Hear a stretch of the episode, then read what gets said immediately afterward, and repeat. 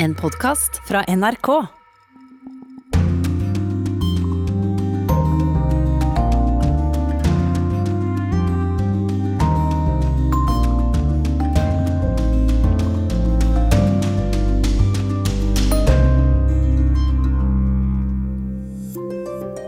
Mennene lar skjegget gro for å passe inn, og prøver å finne noe å leve av i et land styrt av Taliban. Kvinnene derimot er ikke lenger å se. Unge jenter får ikke lov til å gå på skole i Afghanistan. Tyskerne skal dusje i kaldt vann og gå i mørklagte gater. Uten russisk gass forbereder Europa seg på en kald og mørk vinter. Det har gått 25 år siden britenes favorittprinsesse døde. Nå kommer det enda en film om henne. Hvorfor blir vi aldri ferdig med prinsesse Diana? Og vi skal ut på byen i de amerikanske sørstatene. Antrekket som gjelder, er cowboyboots og cowboyhatt. Jeg heter Tore Moland. Det er lørdag, du hører på Urix. Vi skal også få siste nytt om knivangrepet på Salman Rushdie. Men vi begynner i Afghanistan, for denne helga har det gått ett år siden Taliban overtok styringa der. 20 år med vestligstøtta styre var brått over da utlendinger flykta hals over hode fra flyplassen i Kabul, og siden har den jevne afghaner måttet leve under et strengt islamsk styre. Korrespondent Yama Wolasmal, du har tilbrakt eh, to uker i Afghanistan og er nå i Kandahar. Hvordan klarer den jevne afghaner å leve under Taliban? De har ikke så mye valg. Eh, dette er en gruppe som tok makta. De har ikke akkurat kommet til makta gjennom et demokratisk valg. Så folk trekker litt på skuldrene. Eh, folk sier at eh, vi er ikke enig i deres ekstreme tolkning av eh, religionen og deres strenge regelverk. Men de har ikke noe alternativ. Det er dette som er de nye makthaverne, og folk gjør det de kan for å få livet til å gå rundt med Taliban ved makten. Folk holder seg for nesa når de samarbeider med Taliban. Det er Taliban som styrer landet. Men det alle som én sliter med nå i Afghanistan, er økonomien som ligger med brukket rygg. Folk sliter med å få endene til å møtes. Og det er det vi hører igjen, enten vi er i Kandahar, Kabul eller i Nord-Afghanistan, som vi har besøkt. Vi står i hjertet av eh, Kabul, i området som heter De Afghanan. Her uh, hører dere mange rop i bakgrunnen. Det er taxisjåfører som prøver å praie kunder ved dette viktige knutepunktet. Og her har også frukt- og grøntselgerne tatt frem varene sine. De selger alt fra plommer, granatepler, sitroner, bananer. Vi kan gå bort og snakke med denne mannen som selger eh, ferdig oppkuttede kokosnøtter. Salam alaikum, Rore. Lalwali. Lalwali sier han har ti barn og kone å forsørge. Han sitter igjen med 20-30 kroner etter en hel dags jobb. Butikken går dårlig, jeg har ikke solgt noe ennå, sier den fattige gateselgeren.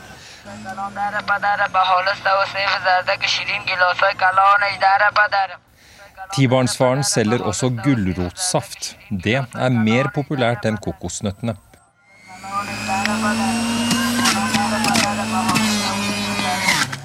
Folk steller seg i kø i den stekende Kabul-sola så snart de hører lyden av jusmaskinen hans. Den er koblet til et bilbatteri under tralla hans.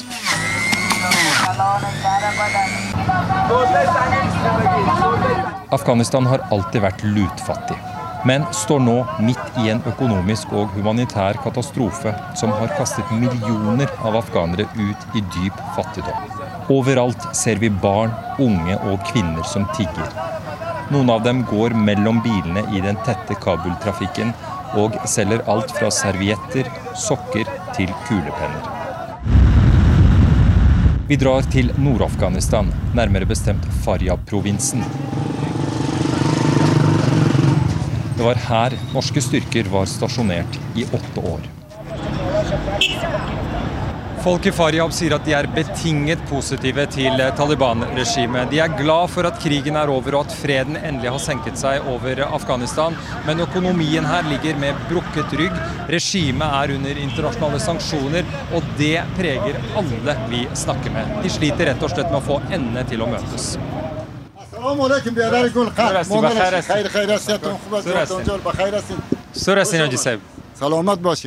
Vi møter 65 år gamle Haji Kamaruddin fra Maimana. Han har solgt tallerkener, kopper og glass i 15 år, men aldri opplevd så trange tider.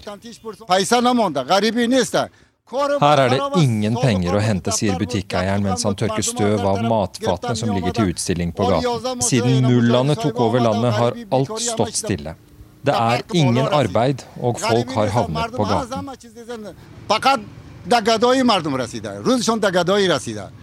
Afghanere vi møter, sier de ikke har følt seg så trygge på lenge. Borte er landeveisrøvere, kriminelle gjenger, korrupte regjeringssoldater og daglige terrorangrep. Men etter ett år med Taliban forventer folk mer av regimet enn bare sikkerhet.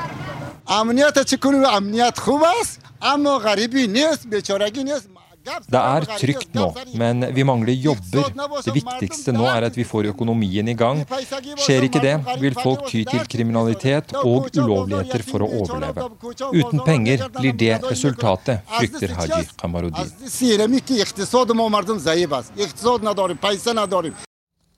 Eh, Yama, Taliban hadde jo en slags eh, sjarmoffensiv da de kom til makta i fjor. De lovte en mykere linje og en åpen og inkluderende islamsk regjering, som de sa. Hvordan har det gått? På mange områder har Taliban inkludert deler av det gamle regimet. Eh, vi har sett at eh, f.eks. så har de gitt amnesti til veldig mange som var en del av det gamle regimet.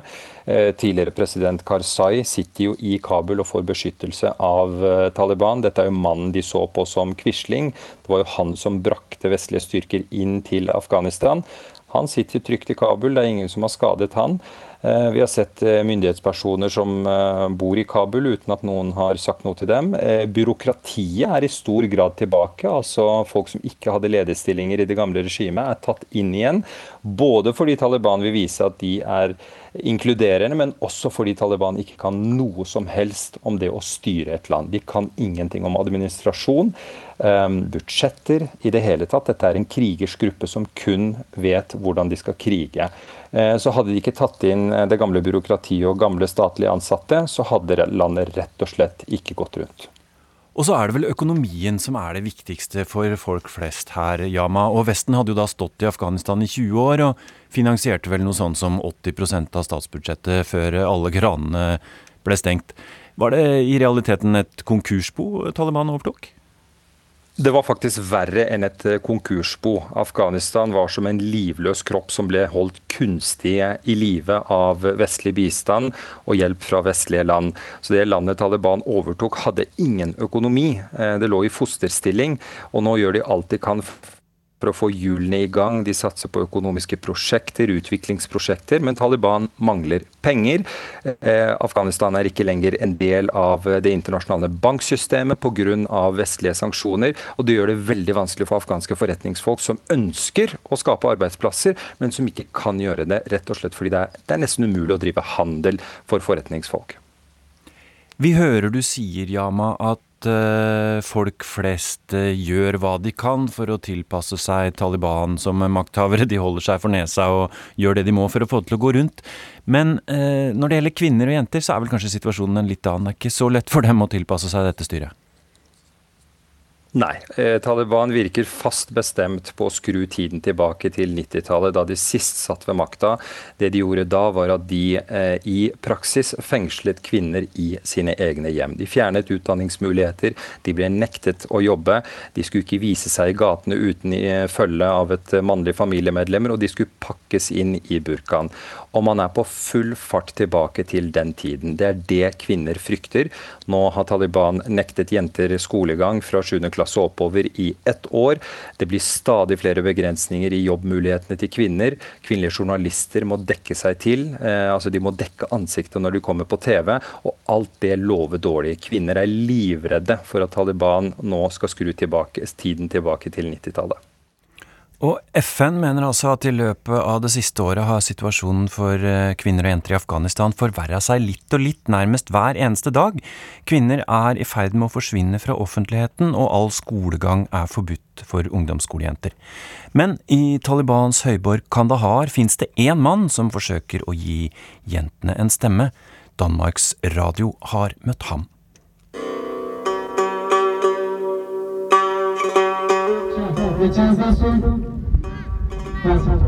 Rekk opp hånda, den som vil lese høyt, roper læreren, og ivrige jentehender skyter i været. Klasserommet i dag er ei støvete slette langt ute på landsbygda i Kandahar.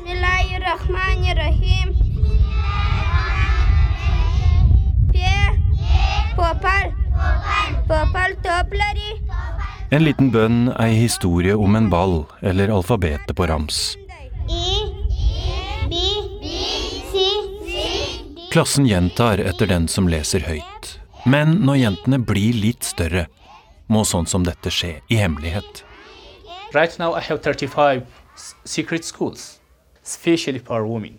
Nå for tida driver jeg 35 hemmelige skoler, spesielt for jenter. Det er dem vi kjemper for, forteller lærer Matiulla til danske Horisont som har kommet på besøk. Skolene han driver er ikke offentlige, men de følger vanlig pensum. Lærerne er frivillige, gjerne kvinner, og undervisningen skjer ofte i private hjem. Sjøl reiser Matiulla Vesa rundt i en mopeddoning med et lite hus fullt av bøker og skolesaker bakpå. Han kaller seg utdanningsaktivist i Kandahar sør i Afghanistan, samme provins hvor Taliban oppsto på første halvdel av 1990-tallet. Da Matiulla var ni år gammel, satte de religiøse opprørerne fyr på skolen hans. Nå er Taliban tilbake ved makta, og når jenter er ferdige med sjette klasse, får de ikke lov til å gå på skolen mer. I got some treats, some, some, I went to jail to three times, and I got some unknown people called me, will be killed, you will be... Jeg har fått noen trusler, jeg har vært i fengsel tre ganger. Noen sa de ville ta livet av meg hvis jeg ikke stoppa det jeg driver med innen ei uke, sier Matiulla. I 2022 er Afghanistan det eneste landet i verden der utdanning for ungdomsskolejenter er forbudt.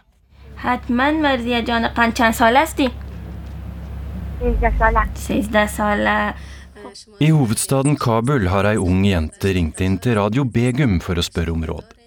Radiokanalen for kvinner, av kvinner og med kvinner er fortsatt på lufta. Sjøl om programlederne nå må dekke seg til, og det er hengt opp ei gardin for å skille kvinner fra menn i redaksjonen.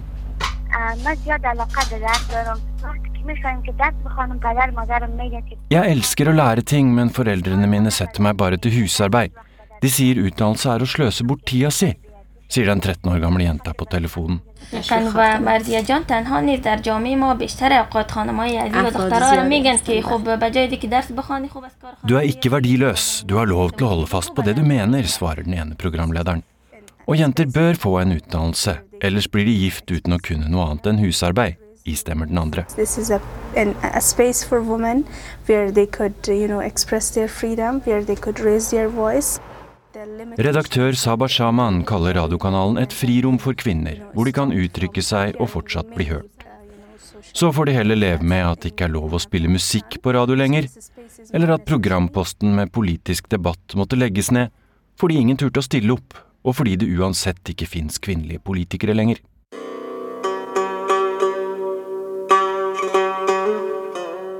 This is our public library in Kandahar Spinbuldak district. I have Pur- Purti library in around Afghanistan. I Spin Boldak, helt opp mot grensa til Pakistan, viser lærer Matiulla rundt i det lokale folkebiblioteket han har bygd opp. Type. Like this is history of Afghanistan, and this is Pashto books like uh, Pashto grammar, and also this is geography. Her fins bøker om afghansk historie, geografi og grammatikk på pashtu. We want to change our society, our people mind to peace, to support education, to support Vi prøver å påvirke samfunnet sånn at folk skal støtte opp om utdannelse, sier opplysningsaktivisten til teamet fra Danmarks Radio. They say our people don't respect women, but it is wrong. It is mistake. Og noen påstår at vårt folk ikke respekterer kvinner, men det stemmer ikke. Tenk på at for 45 år siden valgte min egen valgkrets en kvinnelig representant til nasjonalforsamlingen. Our people support women in the parliament, but right now we don't.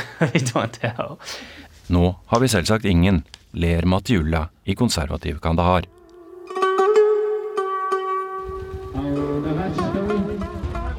Men når mopeden med mobilskolen pakker sammen og reiser videre, er kanskje et lite håp tent hos ei lita jente. Læreren fra Kandahar er iallfall klar.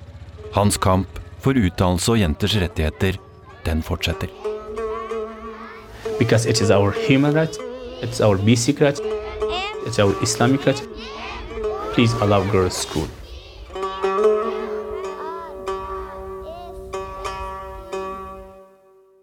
Du har reist rundt i Afghanistan i over en uke nå, Yama. Du har vært i nord, eh, nå er du i sør, du har vært i Kabul. I hvilken grad ser du og treffer du kvinner ute på gata og når du reiser rundt omkring?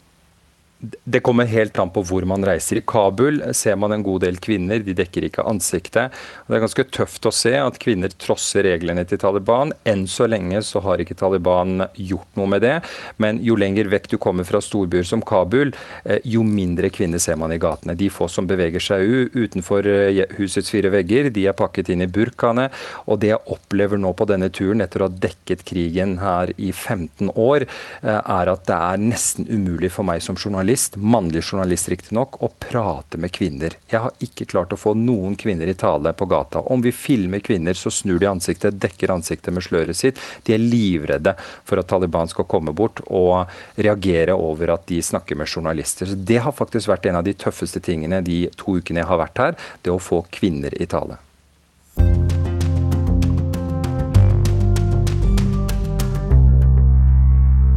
The suspect jumped onto the stage and attacked Mr. Rushdie, stabbing him at least once in the neck and at least once in the abdomen. Several members of the staff at the institution and audience members rushed the suspect and took him to the ground. Mr. Rushdie was provided medical treatment by a doctor who was in the audience until EMS arrived on scene. Mr. Rushdie was airlifted to a local trauma center and is still currently undergoing surgery. Dette er altså politiet i delstaten New York som redegjør for angrepet mot forfatteren Salman Rushdie i går kveld. Den britisk-indiske forfatteren har vært trua på livet helt siden han ga ut boka Sataniske vers på 1980-tallet, og i går ble han angrepet med kniv da han gikk på scenen i byen Chautauqua i USA.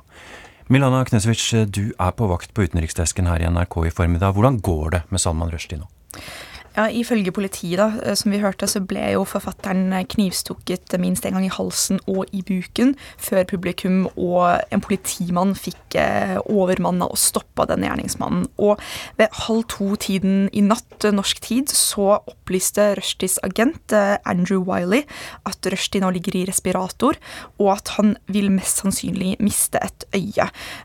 Wiley kom med en uttalelse hvor han skrev nyhetene er ikke gode. Han skrev at nervene i armen armen til Rushdie ble kuttet, og leveren ble stukket og skadet. Hva veit vi om den eh, ganske unge mannen som sto bak dette angrepet? Ja, Ifølge politiet i går kveld så er det en person som, eh, som, de har pågrepet, Hadi Matar. Dette er da en 24 år gammel mann som kommer fra Fairview i eh, New Jersey. Um, og han ble jo da denne personen som ble raskt pågrepet av en politimann som tilfeldigvis befant seg i, eller, som befant seg i salen. Prestestyret i Iran kom med en dødsdom mot eh, Salman Rushdie helt tilbake i 1989, var det vel. Er det noen grunn til å tro at angrepet nå har eh, med den saken å gjøre? Politiet sier jo nå at de foreløpig ikke vet eh, motivet for angrepet, men at de jobber med FBI og med lokale myndigheter for å finne ut av motivet. Eh, de jobber bl.a. med å få en ransakelsesordre for flere gjenstander som de fant på åstedet, bl.a. en sekk og noe elektronikk. Og så Politiet tror at han handla alene, men de etterforsker dette for å være sikre på at det er tilfellet. Og så kan vi også, kan også ta med at avisa New York Post sier at de har snakka med politikilder som eh, sier at Matar sympatiserer med regimet i Iran, men dette er jo da ikke bekrefta fra politiet eller myndigheter, altså disse opplysningene. Takk skal du ha, Milana Knesevic.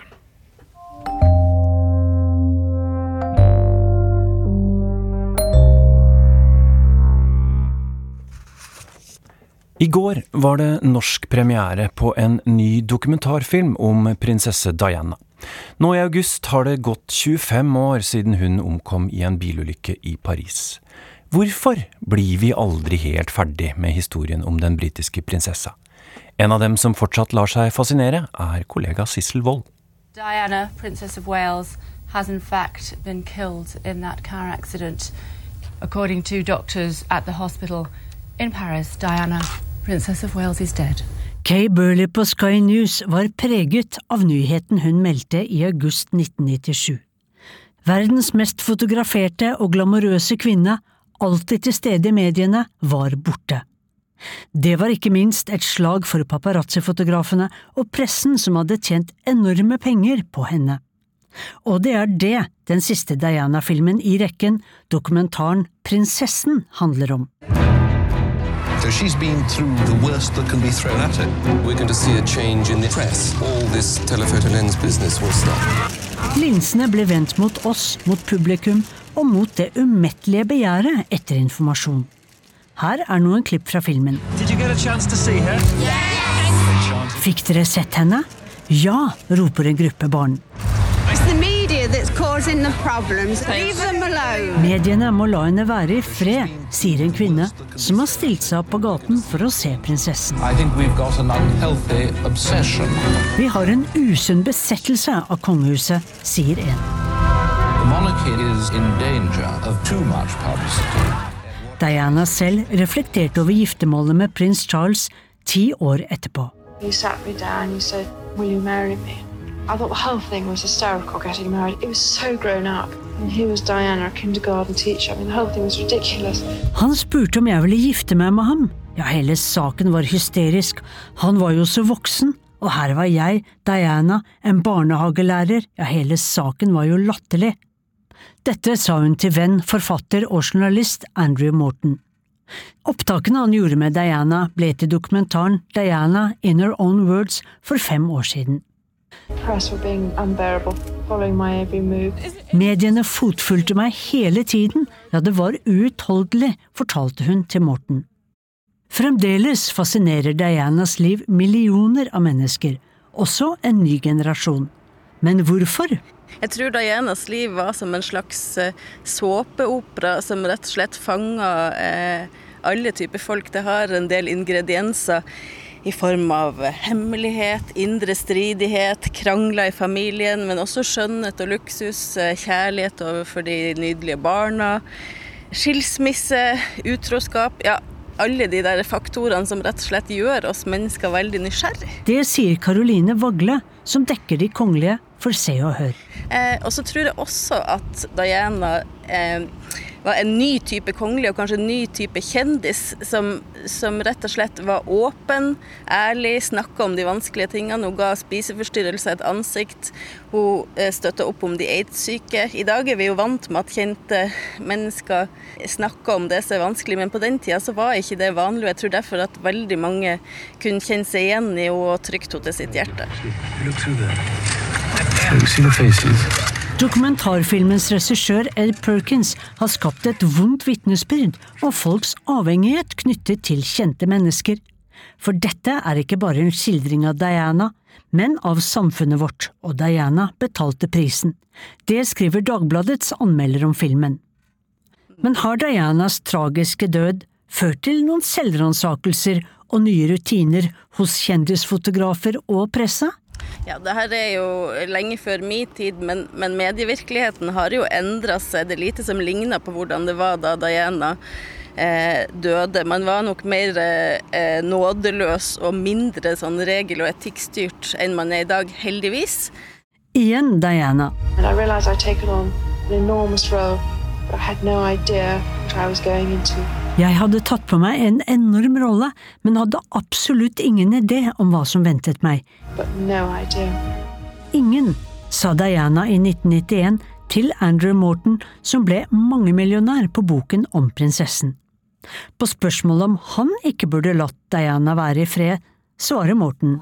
Well, I'm sure, but the, the point that you can't escape is that Princess Diana is now a major historical figure who's had a tremendous impact on the royal family. And in 300 years' time, people, like they write about Anne Boleyn, will be writing about Princess Diana. Jo, men husk at Diana er en ruvende historisk skikkelse.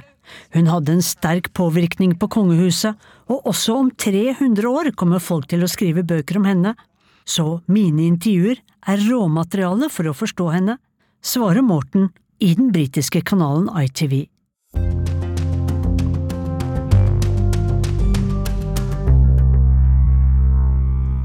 Slå av strømmen, slå av lyset, bytte sparepærer, ta kortere dusjer og skru ned temperaturen innendørs.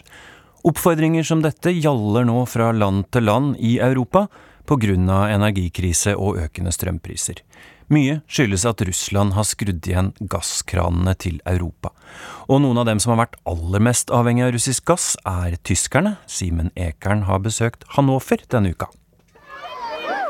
Det er nesten 30 grader i lufta, og da er det like greit at svømmebassenget her ved Riklinger bad i Hannover ikke lenger varmes opp. Ikke er det varmt vann i garderobedusjene heller. I'm okay with it because I think we all should contribute uh, to this situation. There is a big war. Det er det minste vi kan gjøre. Det er full krig, og dessuten krever klimakatastrofen at vi gjør mer, sier Anja fra bassengkanten. Tiltakene i byen er en del av krisepakken myndighetene innførte tidligere i sommer. Og de inkluderer avstengte fontener, temperaturrestriksjoner i offentlige bygg og en slutt på flombelysning av byens landemerker, som det flotte rådhuset. For viseordfører Lars Baumann vil fylle gasslagrene. Baumann vil for enhver pris unngå strømrasjonering. The law in Germany is that the private households are protected. So uh, by law they have to get gas. So, but I mean that's one thing. It's a law, and the other thing is physics. Innbyggerne i Tyskland har en lovfestet rett til å få gassen de trenger. Men loven er én ting, fysikk er noe annet, sier han. Nå har byen nedsatt en krisekommisjon for å forberede seg på det verste. Since a couple of weeks ago, we have established a crisis group. I'm also part of that group, and so we try to prepare for all different kind of scenarios. So we also prepare for like emergency scenarios where maybe some buildings cannot be heated, and we have to provide like heating and food also for the citizens. So that's kind of a worst case scenario, uh, and so uh, yeah, we are definitely preparing. Vi er forberedt på scenarier der enkelte bygninger ikke får varme, og også på situasjoner der vi må sørge for mat til innbyggerne i deler av byen. I verste fall, sier Baumann. Vladimir Putin kan skru av all gass i morgen, eller han kan levere mer. Vi vet rett og slett ikke, sier Baumann. At Tyskland er så avhengig av hva Putin bestemmer seg for, er det mange som er misfornøyde med. Men det var en villet politikk i sin tid. Og en av dem som sto bak gassavtalene med Putin, bor selv i Hannover. Tidligere forbundskansler Gerhard Schrøder. Hvorfor skal jeg be om unnskyldning? spurte Schrøder i et stort intervju i forrige uke. Viseordfører Baumann tror mange av byens innbyggere kunne tenkt seg en litt annen innstilling. I think the public opinion is definitely against Gerhard Schröder, yeah, who is a citizen of the uh, of the city of Hanover, uh, and so I mean I can only say like most people, yeah, I talk like in my friends' family, uh, and they dislike like the position he's taking, and that he's. De fleste jeg snakker med blant venner og familie er negative til den tidligere forbundskansleren, og særlig til at han opprettholder sitt vennskap med herr Putin, sier Baumann. Nå må Tyskland spare og lete etter andre energikilder. De inkluderer gamle kullkraftverk som fyres opp igjen. Myndighetene vurderer å holde atomkraftverkene gående lenger enn planlagt, og håper på mer flytende gass fra land som Norge. Men det haster. De kalde dusjene kommer til å bli litt mer hustrige senere i høst, når det ikke lenger er badebuksevær i Hannover. Europakorrespondent Simen Ekern fortsatt på tur gjennom industriområdet Ror, og nå med oss fra en parkeringslomme langs motorveien. Én ting er kalde dusjer og mørke gater for folk flest, men hva gjør tyskerne f.eks. For, for å sikre industrien sin?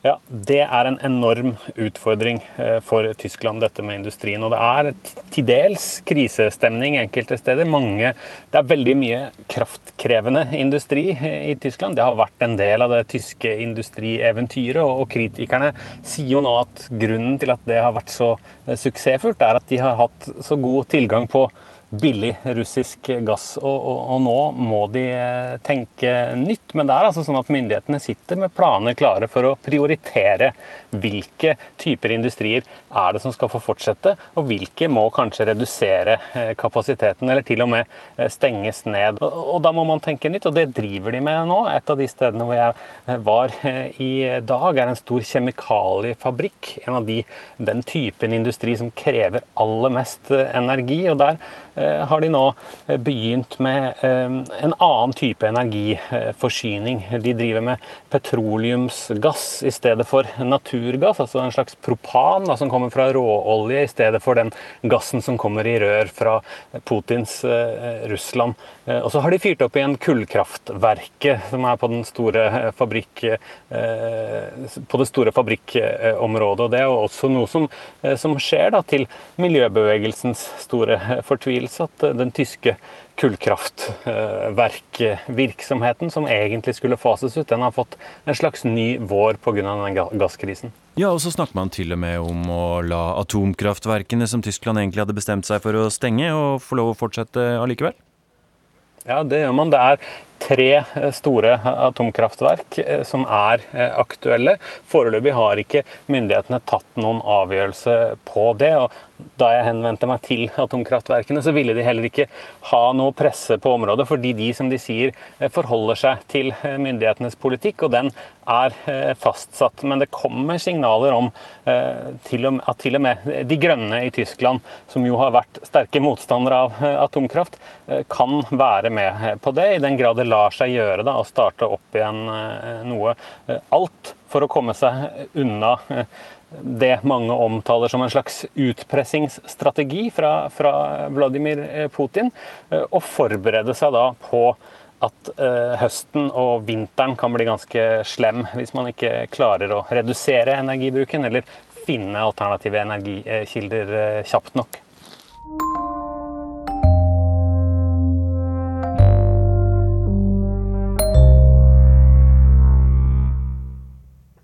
Skuespiller Olivia Newton-John døde denne uka. Hun huskes kanskje særlig for rollen i filmen Grease, men i hjemlandet Australia er hun også kjent for en stor og langvarig innsats for å bedre livene til kreftpasienter. Selv fikk Olivia Newton-John diagnosen brystkreft i 1992. Dag Bredvei har lagd dette tilbakeblikket.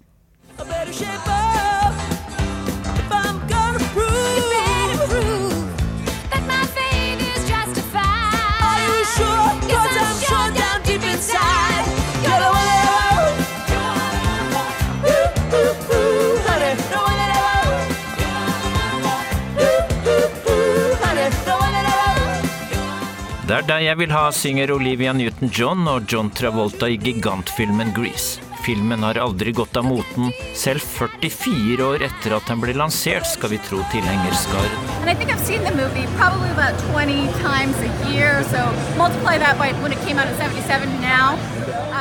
Jeg har sikkert sett filmen 20 ganger hvert år. Tenk deg hvor mange ganger det blir, sier amerikanske Vanessa Luna Bishop.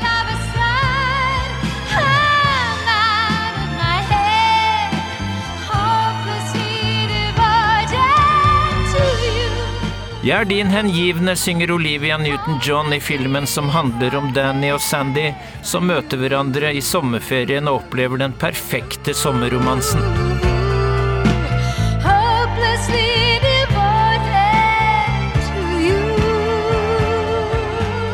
Olivia Newton-John hadde en teori om hvorfor Grease har holdt seg populær gjennom så mange tiår. Stikkordet er at hun og Travolta likte hverandre godt. Oh, yes, I'm sure I did. yes, I think we had crushes on each other, but we both were seeing other people, and but I think that's what made the chemistry work. Ja, jeg tror vi var betatt av hverandre. Det var nok nødvendig for at kjemien ble så bra mellom oss, svarer hun og ler intervjuet gjort i juni 1998. På Walk of Fame i Hollywood har mange i alle aldre lagt ned blomster og kondolansehilsener denne uka.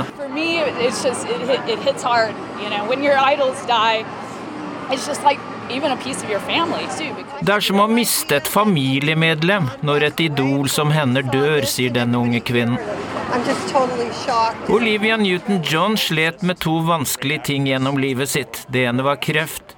Det andre var å leve med et uløst mysterium da ekskjæresten forsvant på uforklarlig vis i juni i 2005. Musikk har en helbredende effekt på meg, pleide hun å si. Det at hun slet i livet, men brukte sang som terapi, har vært til hjelp for mange. Sangene hennes tok meg ut av de mørkeste stunder, sier denne unge kvinnen. I hjemlandet Australia er Olivia Newton-John et ikon og nasjonsstolthet. Der kobles også navnet raskt til kampen mot kreft. Beautiful lady. Miss, going to miss her a lot and she's done so much for Australia with her clinics um. Yeah, I had tears in my eyes, I have to say, when I heard the news. Hun gjorde mye bra med kreftforskning og klinikken hun etablerte. Jeg fikk tårer i øynene da jeg hørte den triste nyheten, sier denne kvinnen i Melbourne. Det er der Olivia Newton-John har drevet et kreftsykehus med 200 plasser i over ti år, i tillegg til et senter for kreftforskning. Uh,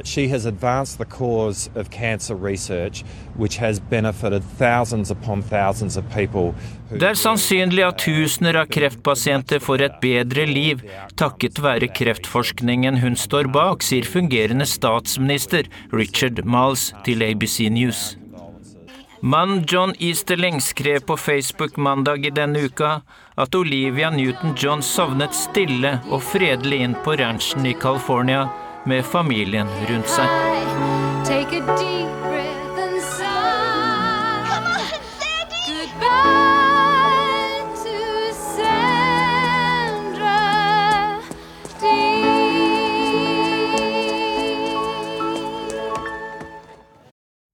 Og Australia har eh, lovet æresbegravelse for Olivia Newton-John.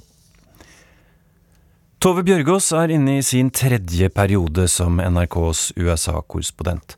Og hun har rukket å besøke 42 eller 43 av USAs 50 stater. Så når det nå var hennes tur til å plukke sin favorittby i vår sommerserie, så var det ingen stor overraskelse at det var en amerikansk by hun valgte. Men hvilken by hun valgte seg, det kom litt mer overraskende på oss.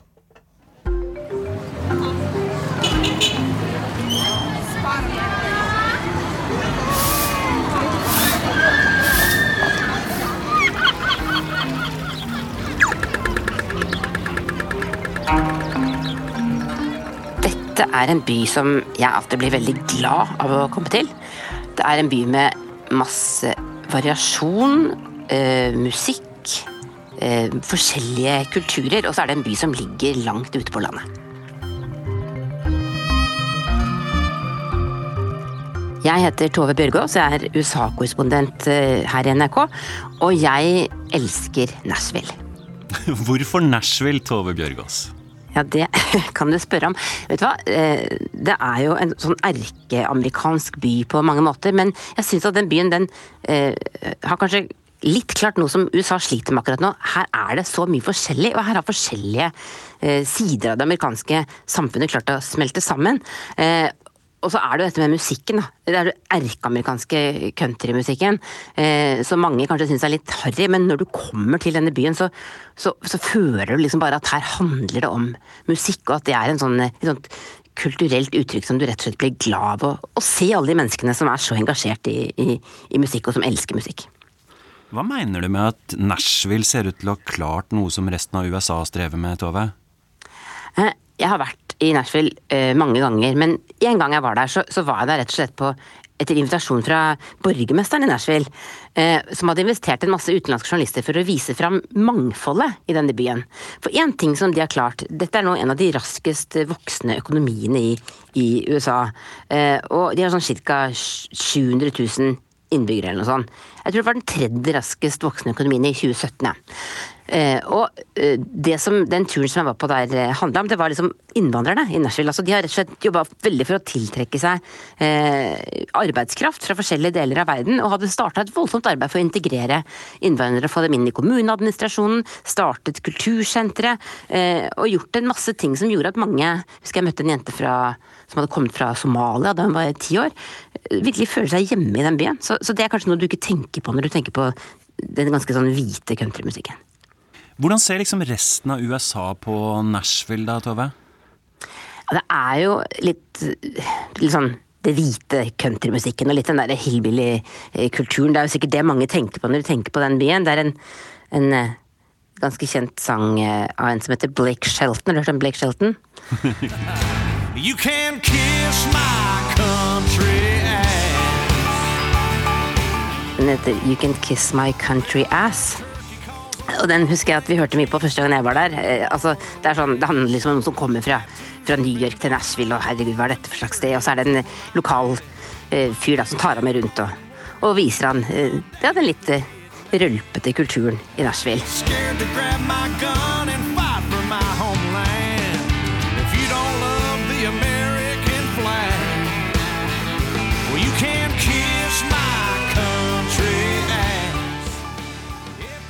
Men lever den countrykulturen fortsatt på en måte, Tove? For når jeg tenker på Nashville og country, så er det liksom fort uh, Johnny Cash og Hank Williams og Patsy Cline og gamle navn fra 50- og 60-tallet som dukker opp. Hvordan, hvordan kommer det til uttrykk i dag? Det kommer veldig til uttrykk i dag òg, på, på mange måter. Altså, eh, du kan jo dra til The Ryman Auditorium, som er en kjent, kjent konsertsal, ikonisk konsertsal i Nashville, der Johnny Cash annet eh, var med på å spille en, det kjente radioshowet The Grand Old Opry i mange, mange år. Og der finner du litt av den fordumsstorheten, og så kan du gå på The Country Music Hall of Fame og lære alt om countrymusikkens historie. Og så kan du gå ned på, på stripa på Broadway eh, i Nashville og gå på honky-tonk-barer og høre på sånn tradisjonell kanskje litt rølpete countrymusikk. Men så er det jo også masse rockemusikere som bor der. Taylor Swift eh, har bodd der lenge, f.eks. Eh, og, og mange andre eh, musikere som kommer dit for å spille inn klassisk musikk, for det er utrolig fine musikkstudioer der. Eh, mange norske artister har vel også vært der, etter, etter hva jeg, jeg vet. Også, så, eh, det er liksom et bredt spekter, og i tillegg til alt dette så finner du også eh, selvfølgelig veldig mange kirker. Dette er jo sørstatene, dette er i Tennessee. Eh, og mange eh, som kommer dit eh, også for å spille en kristen musikk. Så, så her er det en bred musikkscene som også preges av at, at veldig mange gode produsere, teknikere, musikere, altså studiomusikere også bor i, i Nashville. Tove Bjørgaas, hva er ditt favorittsted i byen Nashville, Tennessee? Ja, altså dette her skal kanskje være litt sånn for å inspirere deg som vil reise til Nashville. Og da har jeg et favorittsted, og det er et sted som heter Puckets. Puckets Bar and Grill. Eh, Det er en, eh, en restaurant eh, midt i byen, hvor de har sånn countrybrunch, rett og slett. Jeg tror det er countrymiddag òg, jeg, men der kan du gå og spise kjempegod frokost og høre på utrolig bra akustisk musikk. Gjerne litt sånn song, singer-songwriter-musikk. Eh, og, og det er så høyt nivå på det. Og du sitter der sammen med masse andre mennesker som eh, eh, elsker musikk og drikker eh, kaffekopp etter kaffekopp, og gjerne en Bloody Mary også. Um, og kanskje spiser noe Ja, det kan være en Eggs Benedict, for eksempel, eller kanskje eh, sånn litt usunn kylling med vafler eller biscuits og brun saus, hvis du har lyst på det. Ja, Du nevnte mat, eh, Tove. Hva er eh, Nashvilles eh, spesialiteter på matfronten? Nei, dette er jo sørstatene, så de er jo glad i det søte. De er glad i å ha maple syrup på det meste, og lage eksempel eh, ribs, altså barbecue, gr grillmat, eh, spare ribs med, med litt sånn søt eh, barbecue-saus på. Eh, du kan også få andre sånne, altså pecan pie, sånne sånn søte ting, men så har de også veldig mye bra øl, eksempel. Men så i tillegg til dette så har de også fått en eh, hvis du beveger deg litt bort fra den tradisjonelle turist-Nashville, altså rundt Broadway, der disse countrymusikkbarene ligger, så er det også et litt sånn nytt område som heter The Gulch. Og det er litt sånn fancy restauranter og fine dining og, og ganske mye sånn eh, yngre folk og nye eh, leilighetskomplekser i glass og sånn, så du finner den biten også.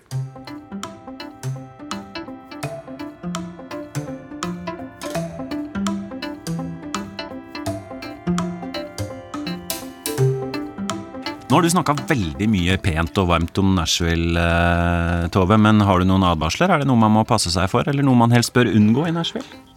Ja, det er jo selvfølgelig også en by med ja, mange fulle folk, for eksempel. og det er jo, eh, kan jo, man kan jo ryke på en Altså det er jo økt kriminalitet i, i, de fleste amerikanske byer nå, selv om at jeg ikke tror Nashville er det farligste. Så det er alltid lurt å, å, å passe seg litt. Og så er det jo litt sånn full fest eh, nede i byen, eh, nede på Broadway der nesten hver dag i, i, uka. Det er kanskje ikke det jeg liker eh, aller best. Dette er også en veldig populær by for utdrikningslag. Eh, så, Men fred og ro og kontemplasjon og ettertanke er ikke det du reiser til Nashville, Tennessee for å oppleve? Nja, men du kan ta en liten tur ut av byen. Jeg vil veldig anbefale å ha bil. Og da kan du reise også ut til en botanisk hage som ligger like utenfor byen. Eh, som eh, jeg husker vi besøkte da jeg var der. Eh, og der er det kjempestille og rolig. Og det fins muligheter for det òg. Men så er det selvfølgelig veldig varmt om sommeren, da. Det må jeg advare mot. Så det beste er å dra til Nashville kanskje i april eller mai eller september eller oktober. Ja, Hvor varmt er det om sommeren da? Nei, Da tror jeg det fort det bikker en 30-35 grader i, et par ganger i løpet av uka. Eh, og også med denne fuktigheten som eh, Ja, da blir man jo bare veldig sånn febril av å gå ut. Og føler at man må være i nærheten av, eh, av vann. Og det er det jo ikke i Nashville i noe særlig grad. We got married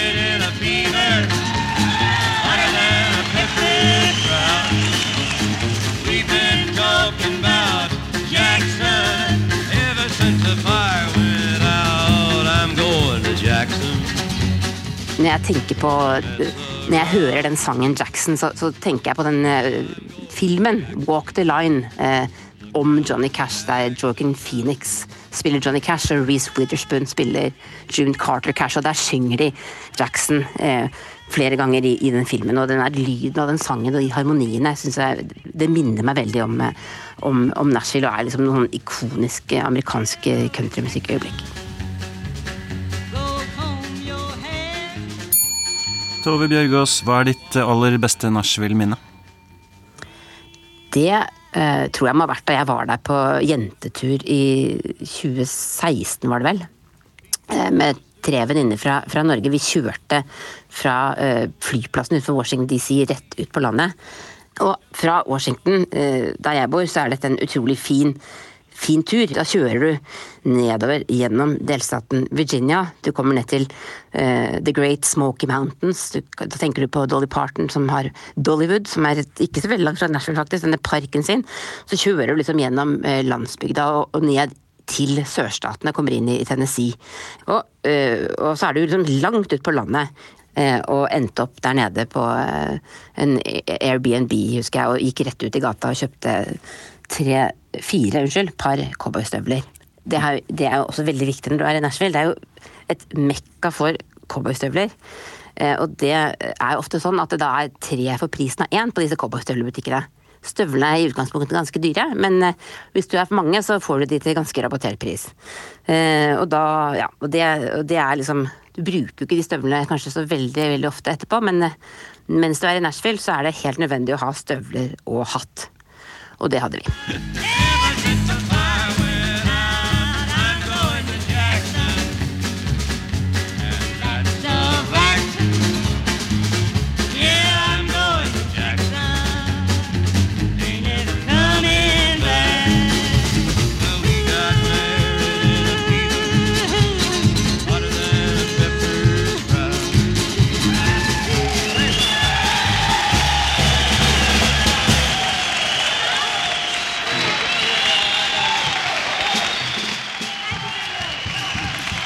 Jackson med Johnny Cash og June Carter Cash live i Folsom Prison fra januar 1968 fikk lov å avslutte Tove Bjørgaas sin kjærlighetserklæring til Nashville, Tennessee.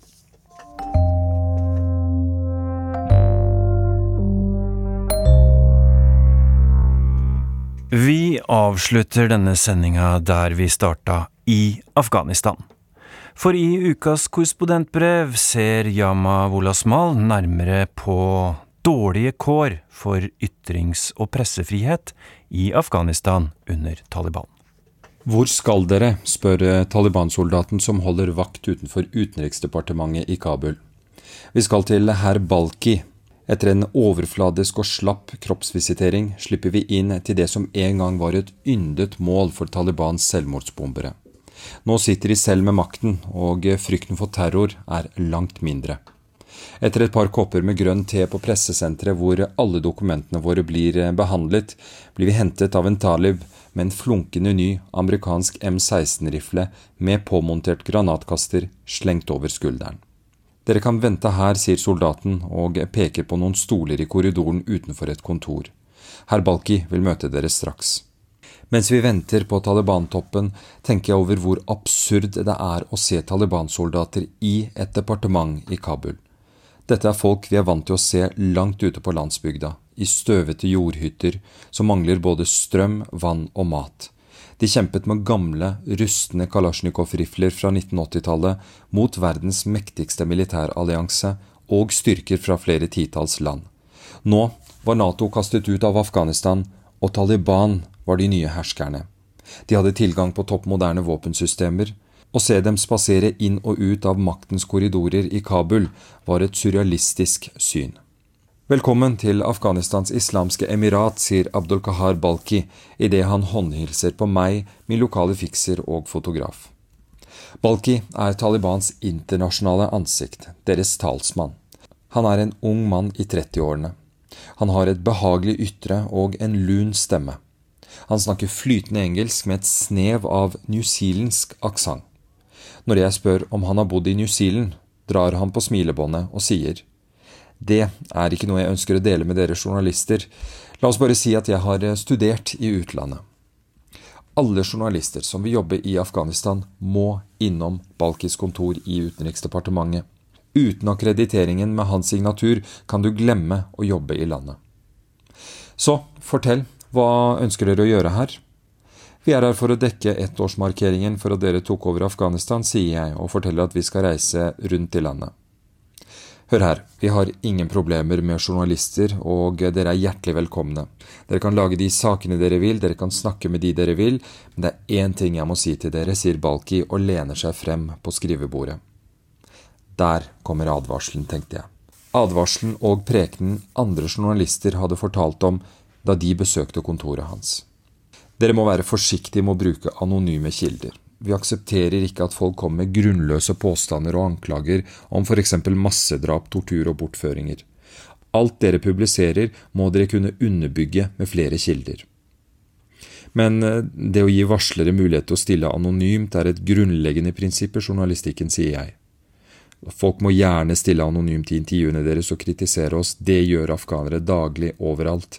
Men hvis en anonym kilde hevder at Taliban f.eks. drepte ti sivile i en landsby, så må vi be om detaljer rundt et slikt påstått angrep. Vi vil ikke vite hvem kilden deres er, men vi vil ha detaljer om angrepet. Hvor og når skjedde det? Hvem var de drepte? Vi må vite det slik at vi kan etterforske en alvorlig hendelse som det, sier Taliban-toppen. Han forteller at Taliban for noen uker siden kastet ut en vestlig journalist. Hun fikk innreiseforbud nettopp pga. utstrakt bruk av anonyme kilder som kom med grove anklager mot Taliban. Som en dårlig skjult trussel om hva som venter oss hvis vi bryter reglene deres. Vi takker for oss og tar med oss den hellige akkrediteringen. Som utenlandsjournalist risikerer jeg å bli kastet ut av Afghanistan. Men hva med de lokale kollegene mine? Jeg ville vite hvordan afghanske journalister blir behandlet av Taliban. Vi drar til Tolo News hovedkvarter i Wazir Akbar Khan-bydelen i eh, Kabul. Det er her de fleste ambassadene, også den norske, ligger. Jeg møter dedikerte, unge journalister som haster inn og ut av ulike redaksjoner og studioer. I ti år har Tolo News vært Afghanistans fremste nyhetskanal. Den er kjent for sin hardtslående og kritiske journalistikk, mange frykter derfor at Taliban ville stenge ned kanalen, men de fikk fortsette driften mot alle odds. Vi er glad vi får jobbe, men vi er eh, underlagt mange begrensninger, forteller en av de kvinnelige programlederne, Sonja Nyazi. 25-åringen leder dagsendingene til Tolo. For noen måneder siden kom Taliban med krav til kvinnelige programledere om å dekke til ansiktet i et forsøk på å få oss vekk fra skjermen, sier Sonja. Vi nektet, vi tok heller på oss munnbind under sendingene. Vi møter også Toba Walizada, en av de unge, fremadstormende reporterne til Tolo. Toba er bare 23 år gammel, men har allerede blitt kjent for sin konfronterende journalistikk. Taliban sier hva gjør dere her? Kvinners plass er i hjemmet, dette er ikke en jobb for dere. Hvem har sendt dere? Vi vil ikke snakke med dere. Og når vi eh, ikke gir oss, blir vi tatt med til politistasjonen, hvor vi risikerer å bli slått og truet. De vil tie oss i hjel, sier Toba. Er du ikke redd for å være så åpen om Talibans overgrep mot journalister? Nei, dette er den nye hverdagen vår, og det minste jeg kan gjøre, er å fortelle verden om hvordan vi har det. Taliban har satt store begrensninger i kvinners deltakelse i samfunnet. Jenteskoler er stengt, og kvinner nektes jobb i mange sektorer. Tolo News har svart med å øke kvinnelig rekruttering. Vi har faktisk fått dobbelt så mange kvinnelige ansatte etter Talibans overtakelse, sier redaktør Hekmat Safi. Til tross for problemene og begrensningene har våre kvinnelige medarbeidere sagt vi vil at stemmen vår skal bli hørt. Vi vil fortsette jobben vår og nekter å la oss kneble. Tolos tøffe kvinner frykter at Taliban snart skal beordre dem vekk fra profilerte jobber. De vet ikke om de har en jobb å komme til i morgen. Derfor står de på hver dag som om det er den siste. Vi er redde for at begrensningene vil øke hvis Taliban blir internasjonalt anerkjent. Da vil det afghanske folket gå en ulykkelig fremtid i møte. Derfor ser vi håpløst på fremtiden, sier 23 år gamle Toba. Du møter noen av de kvinnelige afghanske journalistene hvis du ser Søndagsrevyen på NRK1 i morgen kveld. Denne sendinga fra Urix er slutt. Teknisk ansvarlig var Bobo Bjørnskjold, produsent Bård Søre Olsen, og jeg heter Tore Moland.